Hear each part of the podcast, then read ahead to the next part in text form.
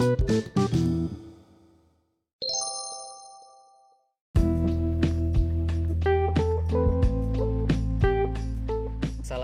warahmatullahi wabarakatuh. Waalaikumsalam warahmatullahi wabarakatuh.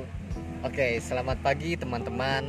Selamat siang juga, sore dan juga malam, di mana pun teman-teman berada yang mendengarkan podcast ini.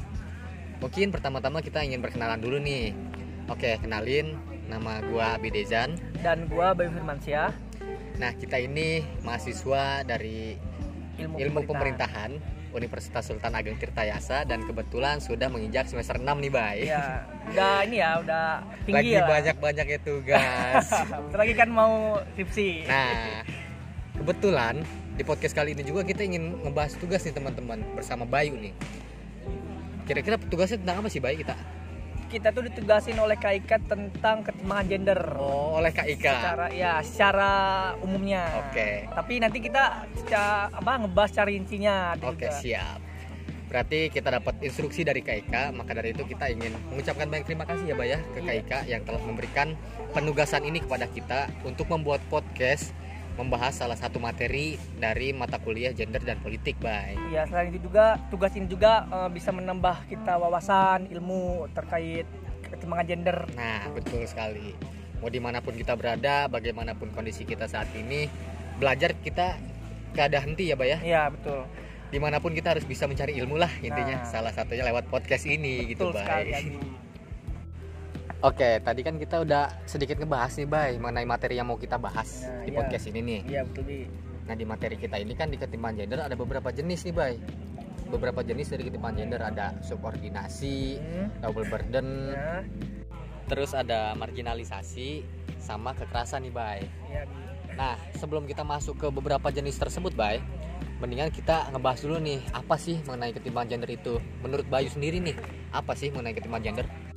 Nah, jadi kalau menurut gua nih Bi, eh, ketimpangan gender itu merupakan kondisi di mana terdapat ketidaksetaraan antara laki-laki dan perempuan dalam kehidupan keluarga, bermasyarakat, berbangsa dan bernegara.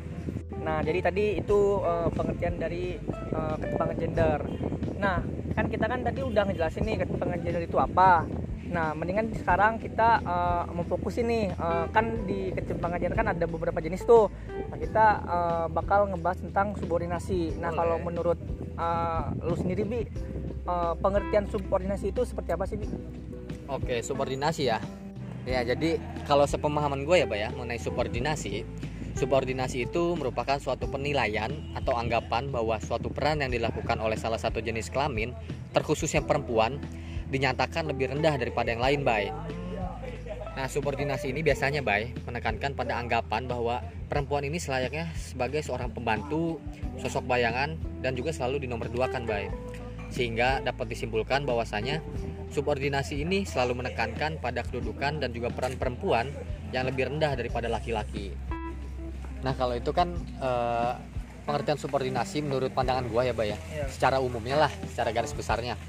Nah, gue juga pengen tahu nih pemahaman lu sejauh mana sih mengenai subordinasi? Kalau misalkan tadi kan gue udah ngejelasin secara ya secara garis besarnya. Kalau secara rincinya menurut lu kayak gimana tuh, Bay? Nah, jadi kalau menurut gua Bi, eh, subordinasi itu eh, mengacu pada peran dan posisi perempuan yang lebih rendah dibandingkan peran posisi pada laki-laki. Terus eh, subordinasi perempuan berawal dari pembagian kerja berdasarkan gender dan dihubungkan dengan fungsi perempuan sebagai ibu Bi. Bi, eh, nah eh, paham nggak Bi kira-kira sampai sini? Insya Allah paham mengenai subordinasi. Ini nih mungkin bisa gua simpulin ya, Bay ya. Bahwa subordinasi ini menekankan pada sosok kemampuan perempuan yang digunakan sebagai suatu alasan untuk membatasi eh, berbagai peran. Karena perempuan ini hanya terbatas pada peran domestik dan pemeliharaan anak saja, Bay. Di mana dalam pembatasan ini terdapat jenis pekerjaan yang tidak mendatangkan penghasilan eh, dari salah satu pihak yaitu perempuan yang secara berangsur mengirim perempuan sebagai tenaga kerja saja yang jelas-jelas tidak mempunyai peran yang cukup produktif dan tidak menyumbang kepada proses pembangunan baik karena kan eh, subordinasi ini menekankan bahwa perempuan itu selalu dinomorduakan. Maka dari itu berbagai peran tersebut peran domestik ini selalu dihalang-halangi gitu baik atau selalu terbatas lah peran Iya, dari betul, perempuan ini baik Nah, jadi gitu teman-teman eh, pengertian subordinasi eh, dari kita. betul sekali baik nah mungkin kita pengen ngebahas lagi nih Bay. Secara lebih rinci mengenai beberapa contoh gitu Bay dari subordinasi. Karena kan mungkin dari teman-teman semua baru mengenal eh, lebih jauh nih apa sih ketimpangan gender dan apa sih subordinasi itu. Dan mungkin ketika di awal kita sudah menjelaskan secara rinci lah mengenai subordinasi dan juga ketimpangan gender maka dari itu kita pengen ngebahas juga nih mengenai contoh dari subordinasi itu Bay. Biar teman-teman juga bisa tahu nih Bay. Dan paham ya. Dan paham lah apa sih subordinasi yang sebenarnya dan bagaimana sih contohnya dalam kehidupan sehari-hari gitu. Nah oke Bay, coba gue pengen denger nih salah satu contoh nih dari lu mengenai subordinasi karena kan tadi lu udah ngejelasin banyak juga mengenai Iya. subordinasi. Pengen tahu nih contoh dari subordinasi dalam kehidupan sehari-hari menurut lu gimana? Nah, kalau menurut gua eh, di sini contoh eh, dari subordinasi itu eh, adanya diskriminasi atau eksklusivitas dalam bidang kerja tertentu terhadap perempuan. Adanya diskriminasi? Ya, dari apa namanya? eh, dalam kehidupan sehari-hari ya, Bi. Dan terutama dalam bidang pekerjaan. Oke kalau kayak gitu Bay. Berarti perempuan ini selalu didiskriminasi ya Bay ya ketika bekerja Iya, apalagi sel- eh, selalu di nomor dua kan. hmm, di salah satu instansi misalkan ya. Iya. Nah kalau misalkan ada diskriminasi, kira-kira contoh dari diskriminasi terhadap perempuan ini dalam dunia kerja seperti apa sih, Bay? Nah, hal itu juga eh, bisa kita lihat Bi di dalam dunia kerja di mana perempuan ini eh, selalu dinomorduakan. Apalagi perempuan ini sulit untuk memegang jabatan eh, Strategis. strategis dibandingkan laki-laki. Nah, kalau menurut eh, lu sendiri Bi eh, tanggapan dari statement gue tuh gimana sih? Oh kalau kayak gitu berarti sangat disayangkan banget ya, Bay ya. Padahal kemampuan perempuan juga nggak berbanding jauh gitu dengan laki-laki. Banyak Iya. perempuan yang mampu padahal gitu ya. Dan biasanya mereka juga sanggup gitu untuk memegang jabatan strategis. Berarti dengan adanya eh, suatu stigma tersebut, kebanyakan kehidupan kita memandang perempuan dalam dunia kerja itu selalu dianggap lemah gitu ya, Bay ya. Iya. dan kurang produktif gitulah istilahnya karena perempuan ini selalu dianggap sangat kurang dalam berpikir serta bertindak dalam Hmm. bidang pekerjaan gitu Bay. Betul Bi. Nah, betul banget Bi. Eh, begitupun eh, posisi perempuan pada jabatan publik yang di mana pemimpin ini hanya pantas dipegang oleh seorang laki- seorang laki-laki saja, bukan dari sosok seorang perempuan. Berarti kalau kayak gitu sangat disayangkan banget ya Bay ya. Potensi-potensi yang dimiliki oleh perempuan ini cenderung selalu tertutupi Nah, gitu dengan iya. laki-laki. Dan stigma itu cenderung membelenggu gitu di pemikiran masyarakat kita Bay. Padahal perempuan tuh bisa kan Iya makanya. Gimana nih statement dari perempuan gitu? Kira-kira memandang subordinasi yang telah kita bahas tadi mengenai contoh salah satunya mengenai ketimpangan gender lah istilahnya. Pasti kan banyak banget eh, ketimpangan ya yang teman-teman lihat dan mungkin bisa teman-teman jadikan evaluasi bahwa subordinasi itu ternyata begini tahu gitu. Dan contohnya pun masih banyak baik sebenarnya. Selain Abi eh, di setelah tadi yang Abi eh, jelaskan, ada lagi nggak sih Bi contoh subordinasi dalam bidang yang lain? Eh, apa ya baik kalau misalkan contoh subordinasi selain dalam bidang pekerjaan? Mungkin gue bisa mencontohkan dalam bidang kepanitiaan baik Hmm. karena kan gue selama di kampus juga udah tiga tahun gitu mengikuti kegiatan organisasi. Di mana dalam segi kepanitiaan terdapat stigma dan juga budaya yang melekat bahwasanya perempuan itu haruslah memegang jabatan yang hanya terbatas sebagai sekretaris atau bendahara saja baik Iya betul Bi. dan itu emang sangat melekat banget di beberapa program kerja yang biasanya dijalankan oleh organisasi pasti sosok perempuan ini selalu dinomorduakan Nah itu juga Bi, gue juga pernah merasakan kemarin setelah Bayu KKM KKM ah. Hmm. Jadi di dalam eh, apa anggota itu memang benar perempuan itu di selalu dijadikan bendahara, bukan jadi Hmm. pemimpin. Gitu. berarti contoh yang tadi gue sampein bener nih Bay? benar bi. bener adanya Iya benar adanya. oh gitu Jadi berarti kalau Abi kapan sih KKM-nya? kalau gue masih KKM tahun depan Oh ke depan. bukan tahun depan sih bulan inilah ini ya? Agustus Iya. Agustus Semoga lancar tahun lah ya. iya makanya ketika gue tadi ngejelasin contoh dan ternyata itu terrealisasi secara nyata gitu Hmm. baik dalam kehidupan sehari-hari mungkin gue bisa meminimalisir gitu ketika nanti gue masuk di KKM dan mungkin sosok perempuan ini bisa lebih diberdayakan dan bisa memegang suatu jabatan lah baik gitu. Iya, betul. biar stigma dari subordinasi ini tidak selalu melekat Nah, dalam bidang tertentu gitu bay. Nah mungkin kan itu gambaran juga ya bay ya dari yang tadi telah lu jelaskan bahwa di KKM juga ternyata emang ada tuh stigma yang melekat bay.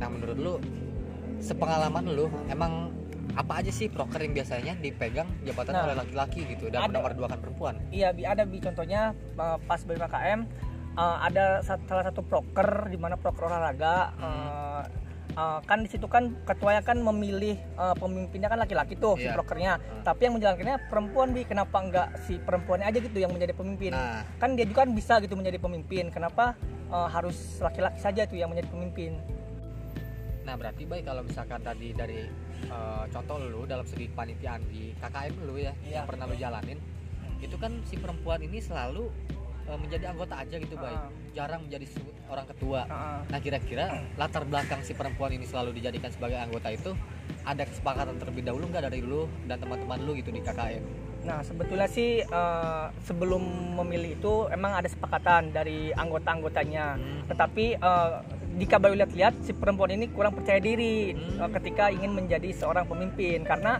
eh, si perempuan ini memper- mempercayai eh, laki-laki ini dipercaya eh karena perempuan ini dipercayai eh, oleh dia laki-laki ini sebagai orang pemimpin. Gimana sih? gimana gimana Bay, maksudnya Gimana? yang bener gimana nih yang bener Oh, iya. Maaf, maaf, Vi. Jadi gini, Vi. Jadi uh, gue ini memandang si perempuan ini bahwa perempuan ini mempercayai laki-laki untuk uh, menjadi seorang pemimpin gitu. karena kurang percaya diri Karena kurang percaya diri. si perempuannya Si perempuannya. teman-teman lu kan berarti ya Iya, betul. berarti seolah-olah perempuan ini teman-teman lu mengaminkan gitu ya ya Mengaminkan kepada si laki-laki untuk menjadi seorang pemimpin Nah, gitu, betul. pantas gitu ya bay stigmanya selalu melekat karena emang dalam kehidupan sehari-hari pun begitu nah berarti itu pun masuk ke ini sih bay ke alasan kita yang tadi di awal bahwasanya ketika kita menjelaskan subordinasi terdapat suatu penekanan gitu bay bahwasanya perempuan ini dianggap tidak cocok untuk berbagai bidang pekerjaan Nah, dan juga kepanitiaan dan dianggap tidak dapat memimpin. Nah, makanya kebanyakan dalam segi kehidupan sehari-hari perempuan ini selalu eh, mengaminkan bahwa dirinya pengen selalu dinomorduakan gitu bay. Nah, bukan ke arah pengen sih tapi terdapat stigma yang emang melekat iya betul. dalam diri uh, masyarakat lah intinya. Terkhususnya ketika lu menjalankan sebuah KKM nah bay tadi kan kita udah ngebahas terkait beberapa contoh dari subordinasi dan emang ternyata se-eksklusif itu bay permasalahan subordinasi ini yang emang melekat banget gitu di masyarakat. Nah maka dari itu kita nih sebagai mahasiswa kira-kira bisa nggak sih kita ngasih solusi gitu bay untuk mengatasi atau mencegah adanya uh, subordinasi dari berbagai segi kehidupan bay? Menurut Bayu sendiri solusi yang bisa disampaikan apa nih Bay? Secara singkat atau secara garis besar lah intinya Nah kalau menurut gue sih Bi eh, solusinya itu pertama membangun kesadaran diri melalui bacaan, diskusi atau mengikuti aktivitas kesetaraan gender.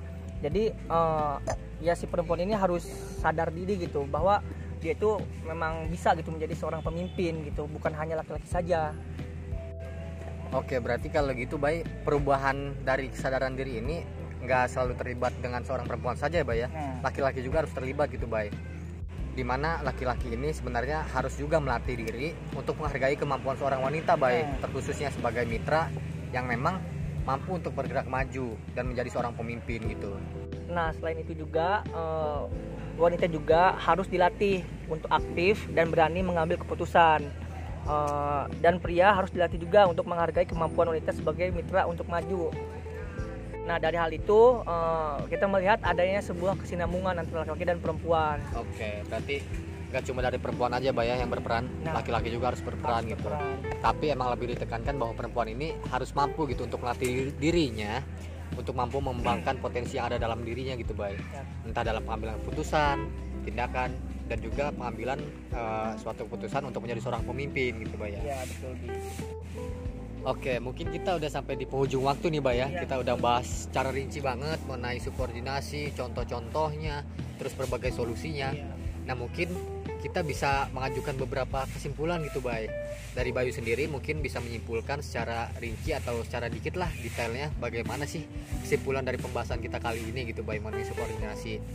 Kira-kira gimana nih, Bay? Nah, jadi kalau dari gua bi kesimpulan yang tadi kita telah bahas tentang subordinasi eh, di mana kita sebagai orang terdidik khususnya mahasiswa harus mampu menghilangkan berbagai stigma yang ada pada perempuan, terutama stigma terhadap subordinasi. Karena hal itu mampu untuk kita bangun secara bersama-sama untuk untuk menghilangkan atau mencegah ketimpangan gender yang terjadi.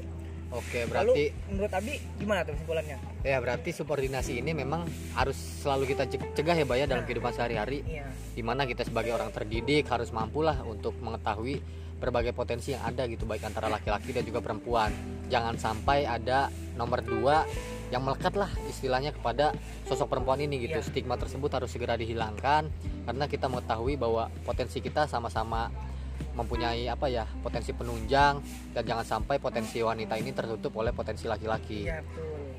dan mungkin kita udah sampai di sini aja pembahasannya ya Bay ya Ya semoga teman-teman yang mendengarkan lah bisa mendapat ilmu. Mendapat ilmu baru. kita. mendapat wawasan serta pengetahuan baru dari kita dan semoga apa yang kita sampaikan dapat bermanfaat bagi teman-teman semua Amin.